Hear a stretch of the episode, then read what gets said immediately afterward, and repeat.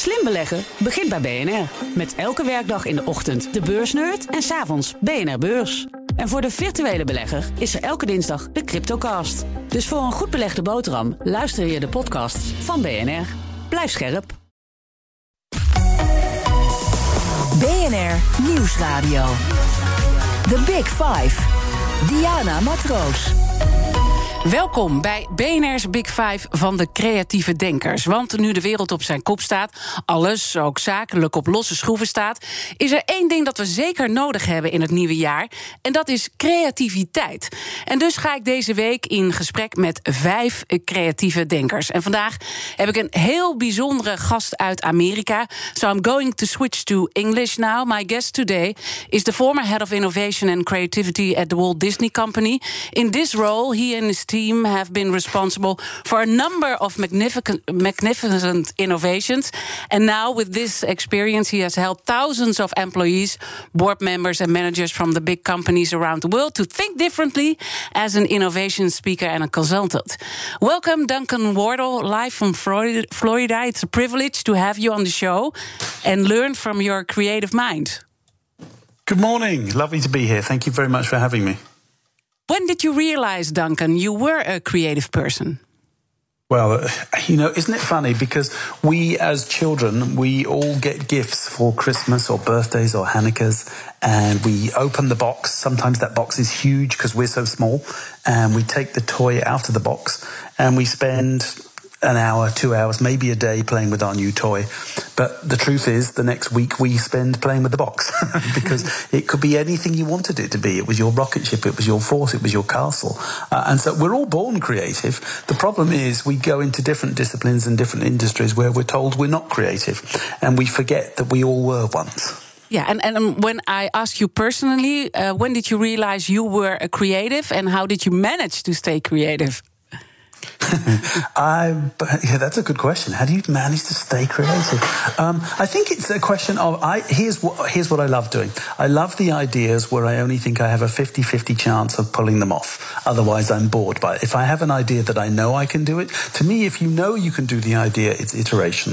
If it scares you a little, that's innovation. You grew up in Scotland, a boy already dreaming about Disney, and at one point you were determined to work for Disney. And this all started with a bronze key ring. You still have it? Tell me about it. Oh, crikey. Wow. So, yeah, gosh. So, yes, my mother, um, this was the 60s. My mother, uh, um, uh, had a friend who went to America, and of course, in the 60s, nobody went to America. It was too far and too expensive. And so he went to a place called Disneyland, and he brought me back a little bronze keyring. And I remember, I still have it. Uh, and it was a shrine in my room for years. And I was absolutely just dreamt from that day that one day I would visit Disneyland. Uh, it took another 20 years, but I got there. and how did you finally get in?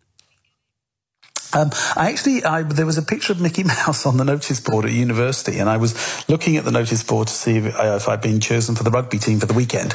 And there was a picture of Mickey Mouse. I thought, what the hell is he doing here? so I went along. It was a presentation, and it was a chance to work out in Florida at Walt Disney World for a year.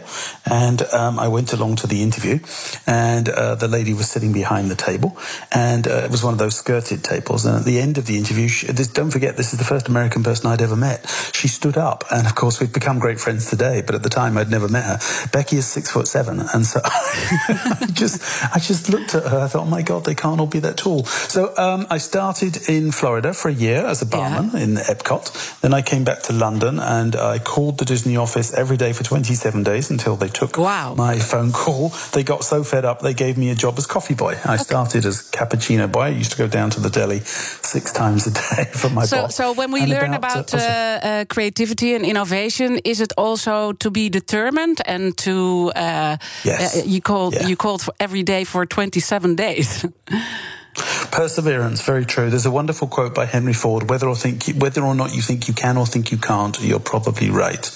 Um, and so, my very first job, I was assigned to be the character coordinator at the royal premiere of Who Framed Roger Rabbit in the presence of the Princess of Wales, Princess Diana. My job was simply to stand at the bottom of the stairs and to make sure nothing happened untoward to, to the character. And so, this was the day when I found out what a contingency plan was because I didn't have one. Uh, Roger Rabbit was simply to come down the stairs and he would greet, or the Princess of Wales would greet him at the bottom of the stairs. But Roger Rabbit was a very tall rabbit with very long feet. And so wow. Uh, if I'd had a contingency plan, I would have measured the width of the steps. And with about six steps to go, Roger tripped over his own feet and he hurtled directly through the air towards the head of the Princess of Wales. Oh, whereupon he was taken out God. by two royal protection officers. and this was, and I thought I was fired. So I didn't go to work the next day. And they gave me a call. And I said, I thought I was fired. They said, no, this is exactly the sort of publicity we need for Roger Rabbit. and so I thought, God, I can make a career out of this. so, and, and, and a career it is. Uh, you worked there for uh, 30 years and uh, uh, a lot of years as head of innovation and creativity uh, for Disney. Um, do you have still moments personally when your creativity lets you down? You have moments where your creativity lets you down. Um, I have mad ideas all the time. Yeah. That's what I do for a living. Um, do we do all of them? No, of course you don't.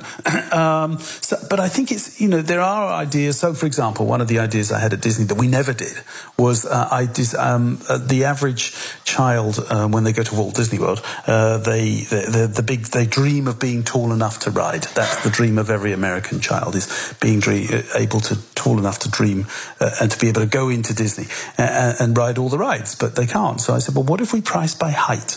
And everybody looked at me like I was mad. And I said, well, hang on a minute. Every parent in every house has pencil marks on the back of their door of the height of their child as they grow. And I said, we could do a whole promotion around the idea that when they hit 42 inches, they're tall enough to ride, we give them a free pass.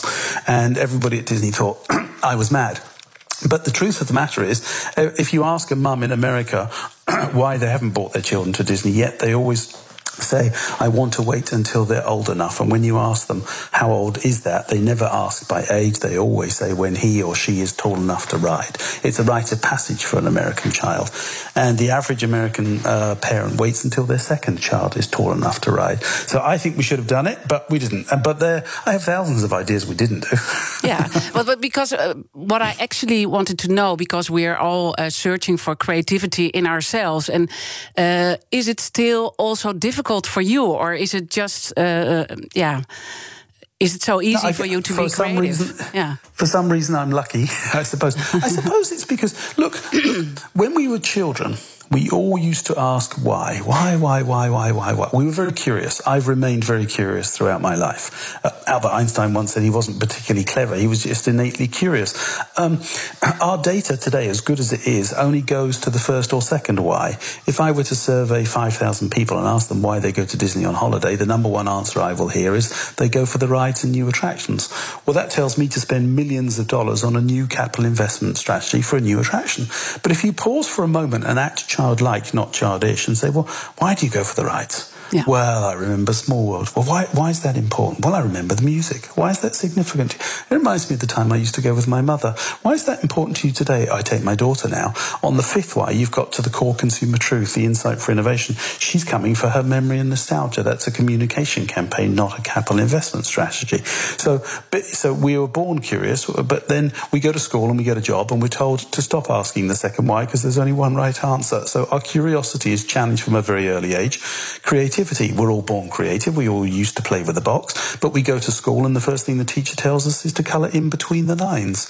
We're all born with an amazing intuition. You have 100 billion neurons in your first brain and 100 million neurons in your second brain, which we call our stomach, through which we make most of our decisions. We say we went with our gut. And Yeah. we are all born with an amazing imagination.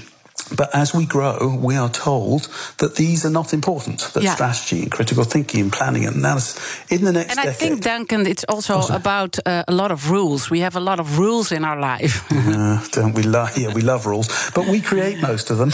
Yeah. um, there's a, there's I a agree. wonderful tool, but I think we're going to talk about that Yeah, in later a bit on. about how to how to actually break the rules. But here, I think one of the challenges. So I think the rule is this: we say that the biggest um, uh, barrier to innovation is we don't have time to think. That's generally considered the biggest barrier to being more innovative. People will say, "I don't have time to think." Um, I would argue it's your own river of thinking. What I mean by that is it's your own expertise and your own experience, and the more experience and expertise we have, the more we jump into our river of thinking. My river of thinking on Disney after 30 years, very fast, very wide, very deep, and allows us to make quick and informed decisions. But we have, we're all being challenged now to get out of our river of thinking quicker and faster and to have big ideas. Ideas. But the challenge for most of us is that's really hard because really we're really good at what we do. And so my role is really to help people get out of their river of thinking and think differently. Yeah. That's your life uh, mission. Um, I have a difficult question for you because you live in the United States, and I'm so curious how you look at the current situation after what happened at the Capitol on uh, Wednesday and the great political divide we have seen in the election campaign. And still, how does it feel for a person who is always uh, thinking in solutions? Gosh, that's a big question. Yeah, um, big and look, difficult. This is a great, this is a great country. Uh, it's been through incredibly difficult times, as the rest of the world has with COVID nineteen. There's no question about it.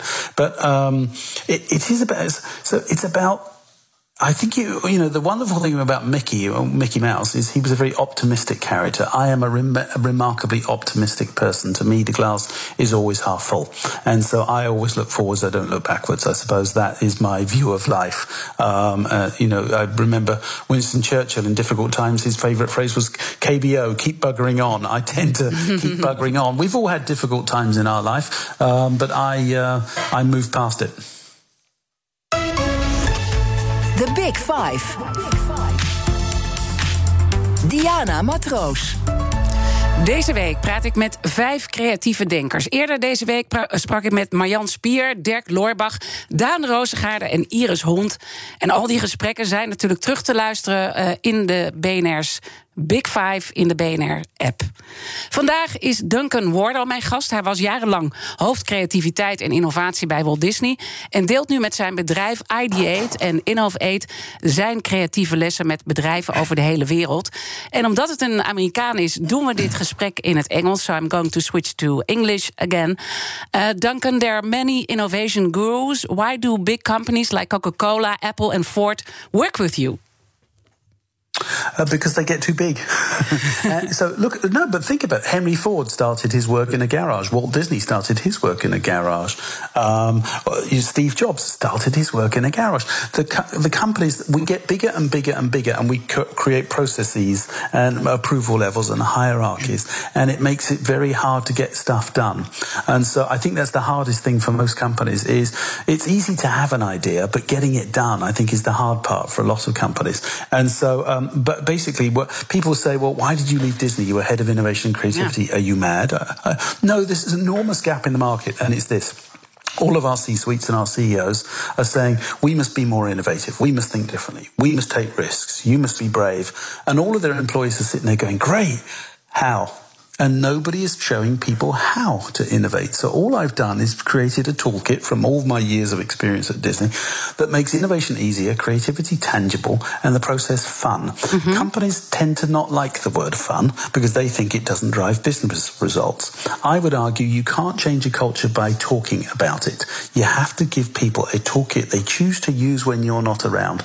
That is culture change. Okay, so that's the the most difficult thing when it when it comes to uh, innovation and you also have a philosophy uh, that you don't need consultants to innovate and you don't need a special team for innovation, but actually you are a consultant, uh, Duncan. No, that's that's fair. So I just put myself out of business. Yeah. so, so here's the thing: we tried four models of innovation at Disney. We tried hiring outside consultants uh, that would come in, run an innovation project for us for three or four months, but then they would disappear and they weren't responsible for execution. And if you would asked, have we learned how they did what they did? The answer was no. Otherwise, that we wouldn't hire them again. Uh, and so the second model was we create an innovation team. The challenge with creating an innovation team, there are pros and cons yes, you become a catalyst inside the organization for change, but think about your legal team or your sales team or your marketing team. Does anybody else in your organization outside of those teams do the legal work, do the sales, and do the marketing? No, of course they don't. Well, then when you create an innovation team, the subliminal message you've sent to the rest of the organization is we've got an innovation team. You're off the hook. You don't have to do it. Um, we created an accelerator program where we would bring in young tech startups with some interesting piece of technology. We would take a 50 50 stake in their piece of business and what we helped brought to the table was we helped them learn how to scale it because they didn't know how to scale it. However, if you look back at all three models, what we had actually done was we had failed in our overall objective, which was to embed a culture of um, innovation into everybody's DNA. And so that's when I decided to create a toolkit, one that made innovation easier, creativity tangible, and the process fun. Okay, so you're the consultant that visits you one time and then you leave. Yeah, but if you're successful, damn right, yes, you should. Because yeah, okay. or, or when I say yeah, or sometimes you'll do a series of training workshops. But a really good consultant should be able to give something away. Well, somebody gave me a piece of advice years ago, and I didn't believe him at the time. He said, "You will never be good at training until you enjoy giving away." And I didn't understand what he meant at the time, but mm-hmm. it's true. You, you have something to give away, and, and that's the. You shouldn't be needed to be hired time and time and time again. If you are hired time and time again, you're not doing your job. Yeah. At the second part of this program, we do a mini masterclass with you on thinking differently, and then you can share also your toolkit with us. Uh, we're so glad uh, okay. that you will. Um, but uh, first of all, you did some mad and outrageous uh, things. What is the craziest idea you brought to the world? Gosh, several. I suppose one of the more audacious and outrageous ones, because you thought, well, we're never going to get this done. Well, we were launching Toy Story, the movie, and um, Buzz Lightyear, if you remember, yeah, he yeah, was yeah. a space ranger, but in truth, he was a toy, and he couldn't fly. And I said, well, what if we could make Buzz Lightyear's dream come true? And people looked at me like, well, how are you going to do that? I said, well, I'm going to send him into space. And of course, I hadn't had that conversation with NASA at the time. And people thought, no, you're mad. So I went up to meet with NASA there were 23 people in mission control and myself trying to pitch this idea of taking an 18 inch plastic doll into space. and you could tell, though, that half the people in the room absolutely loved the idea of taking Buzz into space, but half the room just didn't even want to open the window before they threw me through it. Anyway, yeah. they agreed to take they agreed to take Buzz up to space, and with about six months to go, I got a call from Johnson Space Center in Texas, and they said, "Hey, we need Buzz Lightyear here tomorrow." I said, "Well, no, the launch isn't for six months." They said, "Well, actually, we need two Buzz Lightyears here tomorrow. I said, why? And they said, well, we need to take one of them apart, basically molecule by molecule, to make sure there isn't a, an, a plastic bubble the size of an atom inside uh, his inside the body of the doll, because if there is, that may uh, that could explode in the vacuum of space and kill an astronaut. I was like, oh my god! Wow! so, so, it was well, so, uh, pretty dangerous, yeah. Well, so yeah, yeah, so then we, but at the time we didn't have any Buzz Lightyears for sale, so I had 37 cast members running around all the retail stores trying to find Buzz Lightyear. Well, we found one, but now it's four o'clock. That's the Federal Express deadline. I thought, God, don't tell me the deal's going down because the Walt Disney Company can't find Buzz Lightyear. So um, I got a call on my phone. This was the days before smartphones, so I couldn't see who was calling. All I heard on the other end of the line was to infinity and beyond. I was like, who the hell is this? And it, it was my wife, and she said, I've got one. She said, well, I said, where'd you find it? She goes, oh, it's been, it's underneath James's bed, dear. He's he's had it there collecting dust for ten years. So I said, well, get it over here. So I wrote James on the foot of Buzz, just as um, uh, the boy had written his name on Woody's foot uh, in the in the movie. And I sent it off to NASA. I said, well, don't destroy this Buzz Lightyear. This was a real little boy's Buzz Lightyear. Yeah. So six months later, we went down to the launch. And in truth, I got quite emotional sending my little boy into space. And then um, about a year later, we were doing another Toy Story uh, attraction this time. Mm-hmm. And I thought, well, how do you top sending Buzz Lightyear into space? I thought, I'm going to bring him home. And of course, again, I hadn't had this conversation with NASA. So I called the director of communications at NASA. I said, Hey, when are you bringing Buzz back? And there was total silence on the other end of the line. And I said, Well, no man left behind, right? He goes, You've got to be kidding. This was never part of the contract. We didn't agree to bring Buzz back. And I said, Well, you bring everything back, right? He said, Well, no, we don't. I said, Well, what do you do with everything you take up? He says, Well, we just open the hatch and push it out. and I, I, I, just, I said, you can't kill Buzz Lightyear. If no. you incinerate Buzz Lightyear in the Earth's atmosphere, I will leak, to, leak it to the world's press and the world's children that NASA killed Buzz Lightyear. My tongue was so far in my cheek. Anyway, God bless NASA. They agreed to bring him home. He didn't land in Florida because the weather was poor, so the shuttle landed in California. And you, I don't know if you remember those wonderful images of the space shuttle riding on the back of a jumbo jet, mm-hmm. 747, flying back across the country.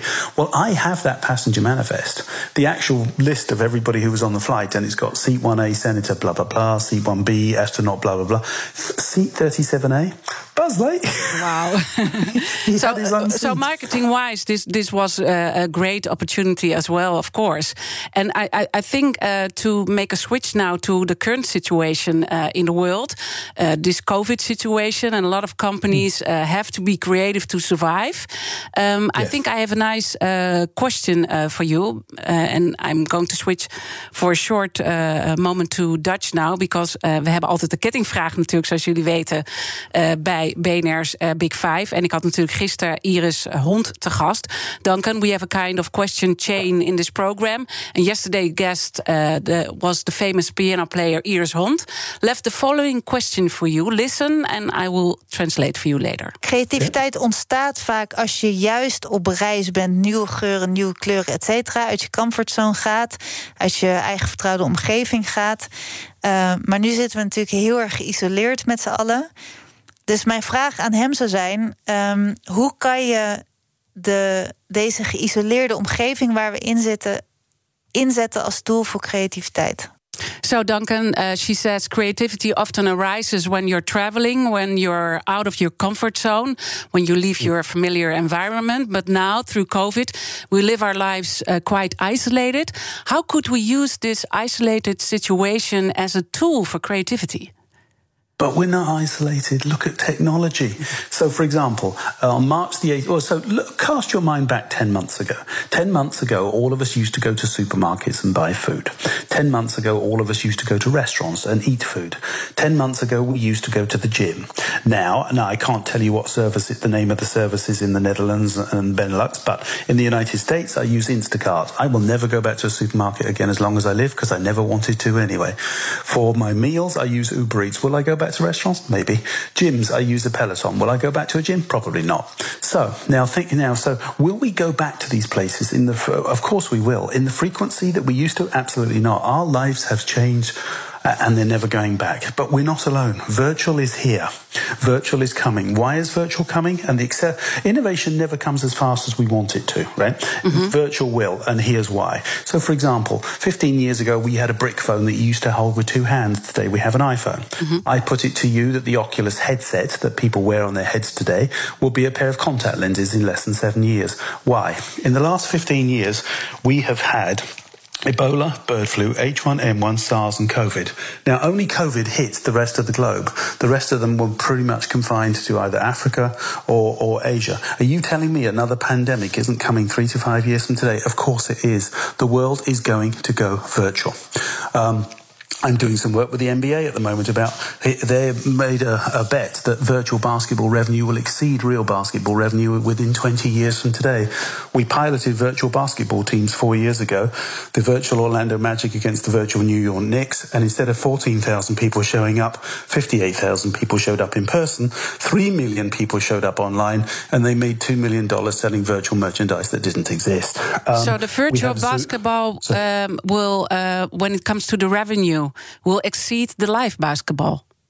Yes, yeah, as it will in many other, uh, as it the future gaming and virtual is kind. Of, look at Pokemon Go.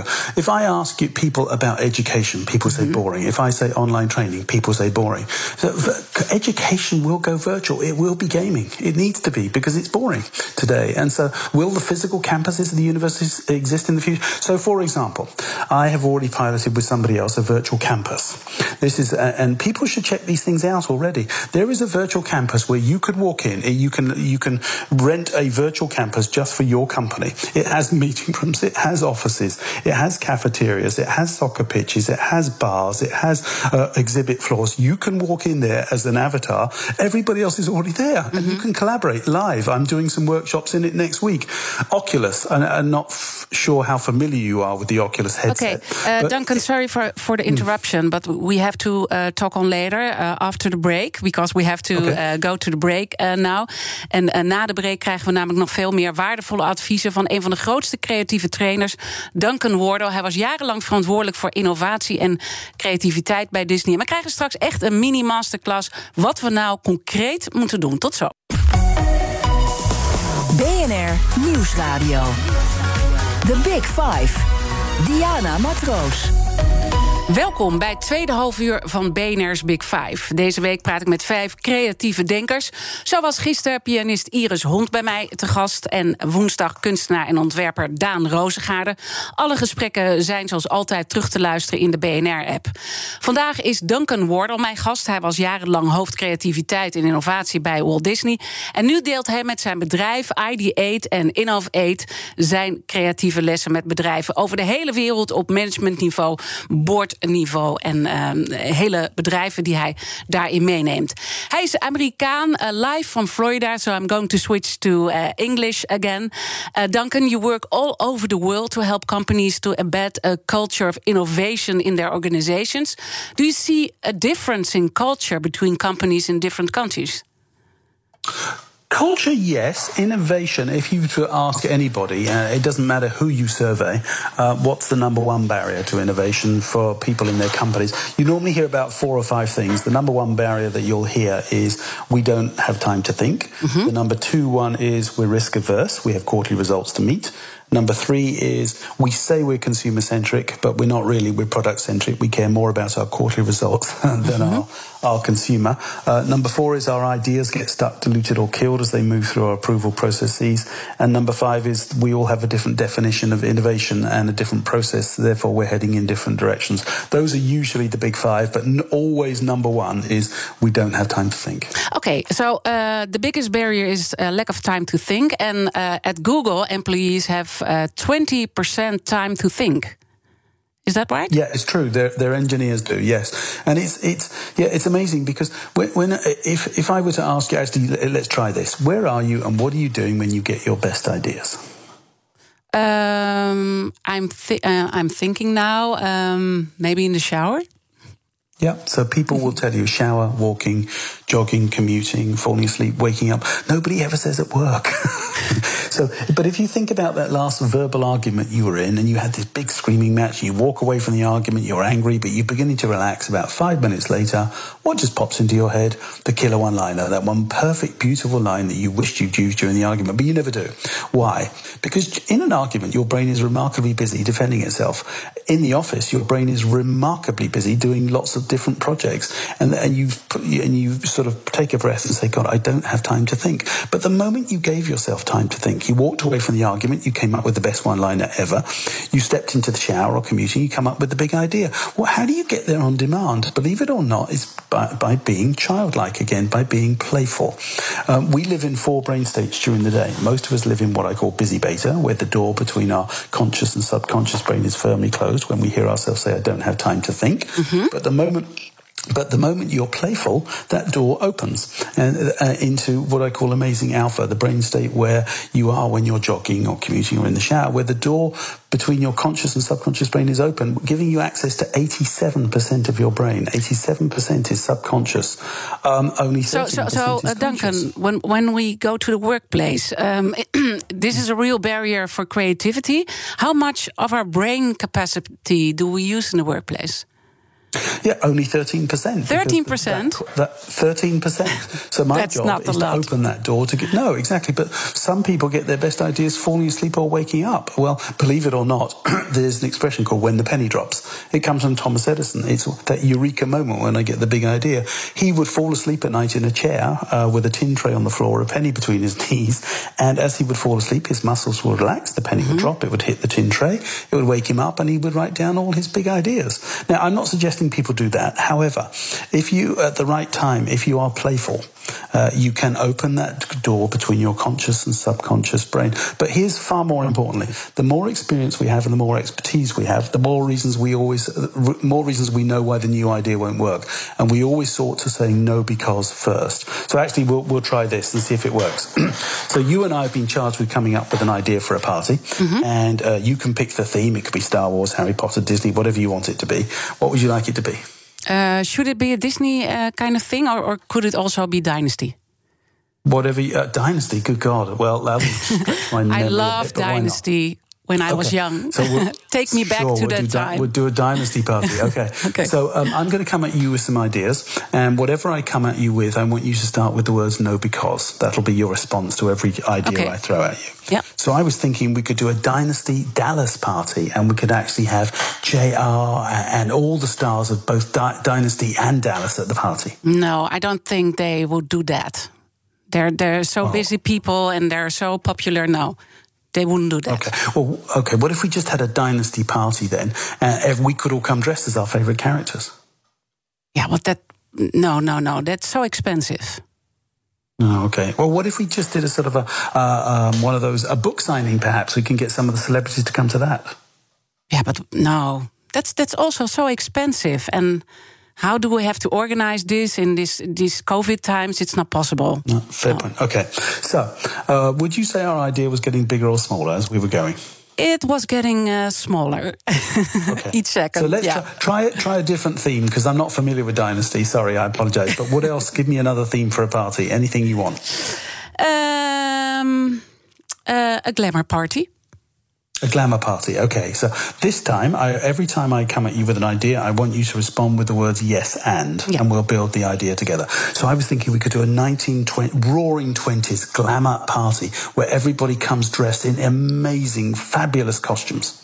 Yes, that's a great idea. And we have a lot of booze and a lot of dancing because we didn't dance for um, a few months uh, together uh, because of COVID. It's a great idea. Yes, and we could theme the whole thing around the Great Gatsby. The Great Gatsby, yeah, that's a great idea. And we could also invite a lot of interesting people. Yes, and we could put all the boats along the canals. We could line them up and actually open them up, and we could actually walk from one boat to the other all the way around the Grand Canal and actually have the party from one end of the canal to the other. Yes, and we can and invite uh, uh, important guests like Obama. Yes, and so so this time around, a I lot love more energy, a lot of more course, yeah, laughter. Yeah, we all do. Oh, No, not good all, or not all. Um, let's not go there. Okay, okay, okay. So, um, that. so this time around, would you say our idea was getting bigger or smaller? Yeah, it was uh, getting big, bigger. Yes. Okay, but far more importantly, when we finished building it together, whose idea was it? It was our idea. Yeah. Ours. Together. The moment you can, we all work inside big companies with hierarchy and approval levels and Mm-hmm. clients and constituents. The moment you can transfer the power of my idea to our idea is the moment you can accelerate this opportunity to get done. And simply by using the words yes and, we all know all the reasons why the, the new idea won't work, but simply by starting an expansionist session with the words yes and, just remind yourself and those people around you who tend to be reductionist, who constantly shoot your ideas down. Guys, we're not greenlighting this idea for execution today. We are merely greenhousing it together. But now in these COVID times, we working remotely all the time. I think this doesn't help. We're zooming all day. Um, h- How do you think about that? I would stop zooming. I would challenge it. So there's this wonderful tool. So we all work in industries where we've all got hundreds of rules where we wish we could break one. Well, why not? This tool is, I call it What If. It's a fabulous tool for actually helping you come up with new ideas by literally listing the rules of your industry and asking what if one of those rules no longer existed. So for example, it was created by Walt Disney for the film Fantasia. He mm-hmm. wanted it to mist inside the theatre, the movie theatre. He wanted heat pumped in. The theatre owner said, no, it's too expensive. So he simply listed the rules of going to a movie. You have to sit down. You must be quiet. You have to go at a set time. You can only watch one movie at a time. I, Walt, can't control the environment. So he said, well, what if I could? Mm-hmm. Well, that wasn't provocative enough. The more provocative and absurd your what if question, the further out of your river of thinking you will get and land a big idea. So he said, well, what if I take my movies out of the theatre? What, what, in 1940, how are you going to do that? Well, they're two dimensional. Well, I, well, well, wait a minute. What if I made them three dimensional? What if I made them three dimensional, I'd have to have people play the characters. Well, if I have people play the character, well, what if I put them in costume? Well, Cinderella couldn't live next to Jack Sparrow and Davy Crockett. Well, wait a minute. What if I put her in a different land? Oh, what if I call it Disneyland? Boom. The biggest creative idea of the 20th century. Now, far closer to home, we all used to go to a video rental store in the US. It was called Blockbuster Video. I'm sure you had a chain of video rental stores in the Netherlands.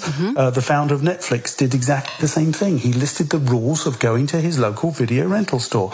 I must um, go to the physical store. I must go when it's open. I can only get three at a time. They never have the one I want. I must rewind. I must take it back or I must pay a late fee. And he chose one rule and he said, what if there was no physical store? This was 2005. which was an absurd idea. Or was it? Because YouTube had existed since the 90s. Streaming amateur content, he, simply said, What if I just stream professional content? I'll do a deal with the movie studios. Nobody would have to drive anywhere. I'll be open 24 hours a day, uh, seven days a week. Everybody gets the one they want. Um, nobody has to rewind it, and I'll cut the rental off at 24 hours. Nobody pays a late fee. I'll call it Netflix. I'll take my idea to Blockbuster Video five times. They'll turn me down five times, and I'll mm-hmm. take them out of business in less than five years. Now, it's easy to look at Disney and Netflix and say, Well, we're too small. We couldn't do that. So I'll give you a small a tangible example. There was a uh, company in Great Britain in the 70s that made glasses that we drink out of, and they found that when the glasses were being wrapped and shipped, too much breakage and not enough production. So they simply went down to their shop floor, watched their employees, and listed the rules. 26 employees, conveyor belt, 12 glasses to a box, boxes made out of cardboard, uh, glasses separated by corrugated cardboard, glasses wrapped in newspaper, employees reading the newspaper. So somebody asked the relatively provocative what if question, what if we poke their eyes out? Well, that's against the law and it's not very nice. But because he had the courage to ask the absurd what if question, the lady sitting next to him immediately got out of her river thinking, said, well, wait a minute, why don't we just hire blind people? Uh, so they did. And their production went up uh, 26%, breakage went down over 70%, and the British government gave them a 50% salary subsidy for hiring people with disabilities. Step one, list the rules of your industry. Step two, take one and ask what if that rule no longer applied and see what ideas you can come up with. It's so, very useful. So, so it's really about discovering our surroundings as if they are new. Yeah, well, it's also about looking outside of your industry. Comes mm-hmm. innovation more often than from not comes first. So, for example, I don't know if you remember the shark suit that the U.S. Olympic swimming team wore to the Sydney Olympic Games, the one that you, mm-hmm. wore from uh, neck to calf. Well, they actually looked outside of the industry. So their challenge was, how might we make our swimmers go faster through water? So they asked themselves, where in the world has somebody already solved this challenge? Well, obviously, sharks had. So they did biomimicry on the skin of a, a bullnose shark. They found it has has hundreds of thousands of pimples, underneath which it can contain microscopic air pockets that it could expand or reduce as it w- mm-hmm. chooses to move faster or quicker through the water. They borrowed back the underlying principle to create the shark suit. They broke about 14 world records in Sydney. It was considered so innovative it was banned from the future of the sport, but solved the challenge they had. Insight for innovation. Again, ask it, what's your challenge? Ask yourself, where else in the world has somebody already solved that challenge and borrow back the underlying principle? Okay, so uh, these are really important important lessons. But I'm I'm I'm uh, reflecting again. Uh, these COVID times they are so uh, difficult, and companies face a lot of troubles uh, right now. So how can you overcome the barriers in a time where you have uh, less resources, uh, no money? how how do you mm-hmm. cope? So, well, but here's what you have got. The one thing that there is no, there are very few blessings, if any, in COVID 19, let's be honest. However, the one thing you have been given, guess what? You've been given time to think. Yeah. because you don't have That's to go true. to so many meetings. You don't have to fill out so many reports. Your team has time to, we can either reinvent ourselves now or we can go out of business. There is yeah, no but a lot of people are also working uh, uh, remotely all the time and are Zooming mm. all the time. So maybe they yeah, but they should do not have time. I think just before just before the break, we talked about Oculus, and I, I, did an experiment a couple of weeks ago. An Oculus headset is three hundred dollars. Most companies will very quickly realise they don't need their employees to come back to the office because and the, the money they can save on corporate real estate. And yet, with Oculus, I did an event a couple of weeks ago with a lady from South Africa and a lady from London, and the lady from South Africa uh, walked up to me. She's in Johannesburg, but she walked right up to me in a virtual world handed me a virtual pen with her virtual hand, neither of which existed. I took the virtual pen out of her virtual hand with my virtual hand that didn't exist and wrote on a virtual whiteboard with virtual ink that didn't exist. And we emotionally felt like we were in the same room. Yeah, it was amazing. But here's so, the thing: COVID or COVID or not COVID, another tool that might be very useful for people is simply to re-express the challenge to stop you thinking the way you always do and to help you think differently. For example, if I were to come to Amsterdam today and you and I were going to go into business and we are going to open a car wash, tell me three or four things we must have in a car wash. Uh, we need water and cars. Mm-hmm. okay. and and and washing machines. Yeah. Okay, all right. Washing machines, water, and cars. Now, let's say I came to Amsterdam and you and I opened an auto spa. An now, auto what spa. could we put in a spa? Yeah, what could we put in a spa? Um, I, I think I would need a massage then. Okay, masseuse. What else? A masseuse, yeah. Um, um, um, yeah. Um, some What else can yoga, maybe some yoga Some to do some yoga Yeah. uh, in, in, in between. So, Yeah. So in less than 10 seconds, I took you out of your river of thinking of all your expertise and experience. I said car wash. You, you, you just went straight down everything you know. Water, uh, machines, soap, cars. I said auto spa. Suddenly we've got masseuses and yoga. Yeah, so it's so, and it's in the words. It is now. So here's the thing. Uh, and here's, so in, in, in uh, July 17th, 1955. Well, maybe keep keep, keep that uh, thought, uh, Duncan, because I have to okay. switch to a colleague for one minute. Thank Dankjewel, Kees Dorrestein. BNR Nieuwsradio. The Big Five. Diana Matroos. Je luistert naar BNR's Big Five van de creatieve denkers. Mijn gast is creatief trainer Duncan Wardle, Amerikaan, verantwoordelijk voor bijzondere innovaties bij Disney en eh, adviseert nu al jaren grote bedrijven over de hele wereld. Eh, Duncan, eh, sorry for the interruption. You were saying. Oh, no, it's all good. It's simply about re expressing a challenge to stop people thinking they always do and help them think differently. When Walt opened the doors to Disneyland on July 17th, 1955, he said, We will not have any customers in our park. We will mm-hmm. only have guests. We will not have any employees. We will only have cast members. And with that simple re expression, created a level of hospitality that's never been replicated or duplicated since. Now, fast forward and say, Okay, so how does that work in today's terms? in 2011, had we asked the question that every company asks themselves every day, how might we make more money? We would have put the gate price up by 3%. People would have complained, but they'd have still come and we'd have made our quarterly results. I define that as iteration, not innovation. So we simply reversed the question. Instead of saying, how might we make more money? We said, how might we solve the biggest consumer pain point? Well, everybody knew what it was. It was called standing in line. Mm-hmm. So we said, well, where are the pain points? We're checking in and checking out of a hotel. That's a pain. Waiting to get in the park through the turnstiles. That's a pain. Waiting in line for your attractions or to pay for food or merchandise. Those are pains. so we said, what if we eliminated all of them? Now, we didn't know how to do it. If you know how to do it, it's iteration, not innovation. So we looked around the world. Again, we looked outside of our industry and we found RFID technology. All we did was put an RFID chip in a little plastic band. We called it Disney's Magic Band. When you arrive at the resort today, it is your room key. You don't have to check in. You just swipe your band against the door and it opens or closes and it locks and unlocks. It is your theme park ticket. There are no turnstiles at the entrance to the park anymore. You swipe and go. It has your reservations each day for your favorite three attractions and character meet and greets. You swipe and go. You don't stand in line.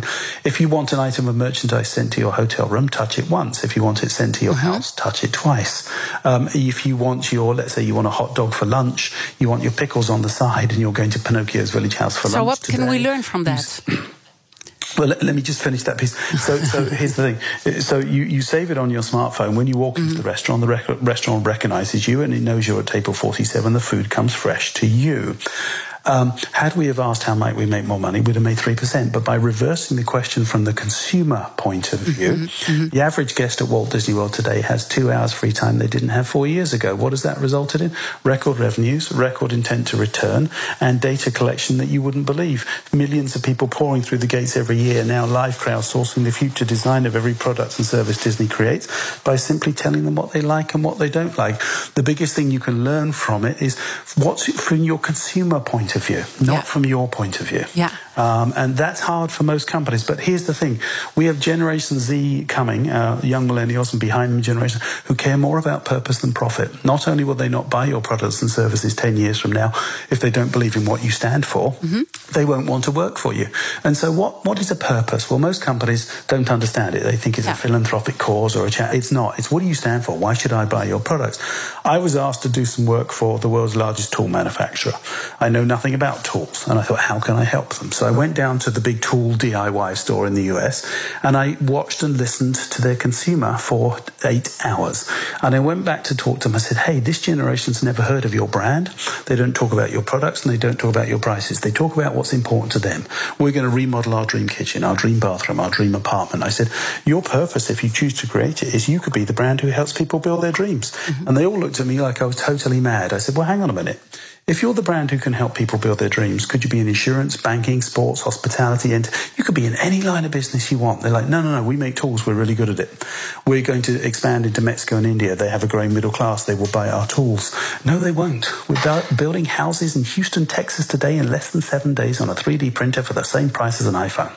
Mm-hmm. And so I put it to you that you didn't have a smartphone 15 years ago. 15 years from today, you will print 30 to 35% of what you buy on Amazon in a 3D printer in your living room.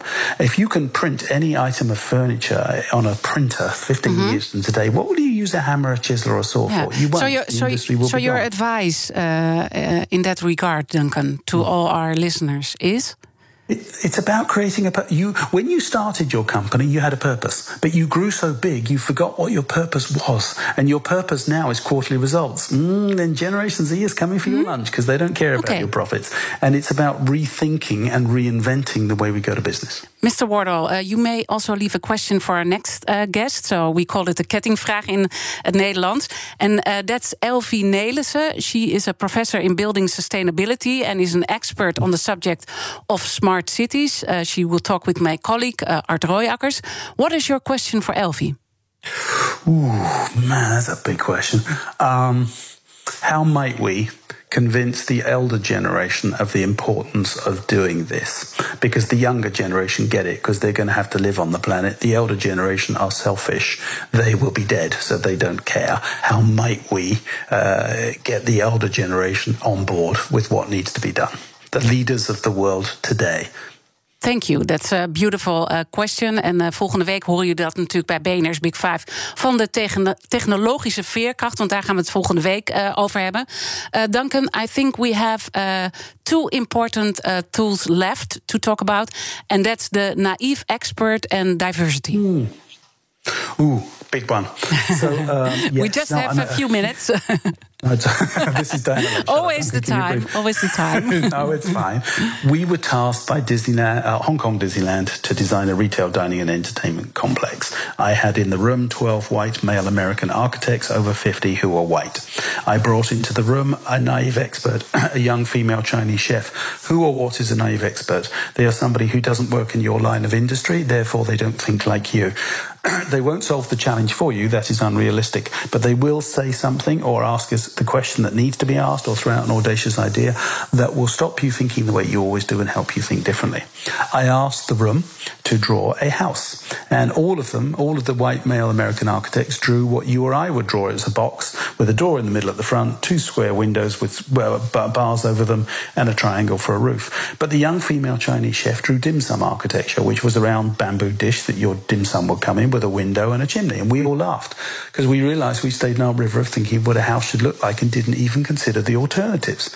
On the way out the door, somebody put a post it note over her drawing which simply said, distinctly Disney, authentically Chinese. Seven years later, the strategic brand position for the Shanghai Disney Resort became distinctly Disney, authentically Chinese. But here's the point, and most companies simply don't understand it.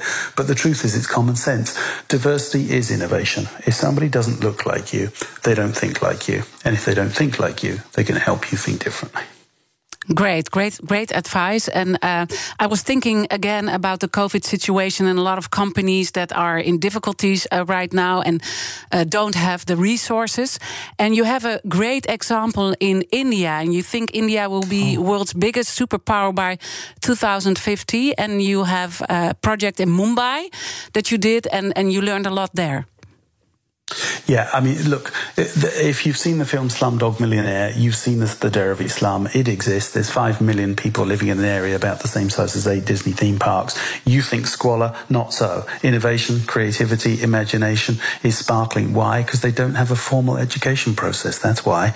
Uh, and so we were tasked by creating uh, light where there was no electricity. You thought, well, how the hell are we going to do this? I thought, I don't know. I'll give it a go. So we went out and we just happened to be sitting in a cafe one day and a little spotlight hit the um, came down and hit a plastic bottle that was sitting on a table and refracted the light around the bottle. So we took the advertising label off the bottle, the branding label, and it refracted the light even wider around the bottle to about a foot, a foot and a half. And so we then played with water levels inside the bottle, and we could refract the light up to two feet or three feet around the bottle. Then we put the bottle up closer to the light and refracted the light six to eight feet around the bottle. Then we cut the lip off it, and it refracted to ten feet around the bottle. So we walked outside into a hut with no windows, totally dark, cut a hole in the ceiling, stuck the bottle through the, the hole, and lit the hut during daylight hours. So I've phoned a friend of mine who was CMO at Evian, and I said, look, you can either trash the planet with 500,000 empty bottles, uh, or you can give them to me, and I need you to ship them to me for free because these people can't afford them, and I need you to take your brand off the bottle because I need the light. And he did. And six weeks later, we lit 500,000 huts where there was no electricity. So I actually believe the most, if you say necessity is the mother of invention, I would argue that creativity is almost certainly the father. I, um, but again, I want to go back to that one big barrier because we all say. And, and make it very short because is, I have to yeah, I uh, break the no, show now. I promise. yeah. we, I promise okay. you I will. We all say the number one barrier is I don't have time to think. There's a very famous expression saying there's no time like the present. I would reverse it and say there's no present like the time. Give yourself time to think. Thank you so much, Duncan Wardle, for joining us. So grateful uh, that you were here. We learned a lot. En natuurlijk zijn alle afleveringen van Big Five terug te luisteren in de podcast, de BNR-app of op bnr.nl. Nu Kees Dorrestein met BNR breekt. Ik wens iedereen een heel mooi weekend. Ook Liesbeth Staats vind je in de BNR-app. Ja, heel handig. Luister live naar Kees en mij tijdens de Daily Move. Dan blijf je ook gelijk op de hoogte van breaking news en het laatste zakelijke nieuws. En daar vind je ook alle BNR-podcasts, waaronder de Perestrooikast. Download nu de gratis BNR-app en blijf scherp.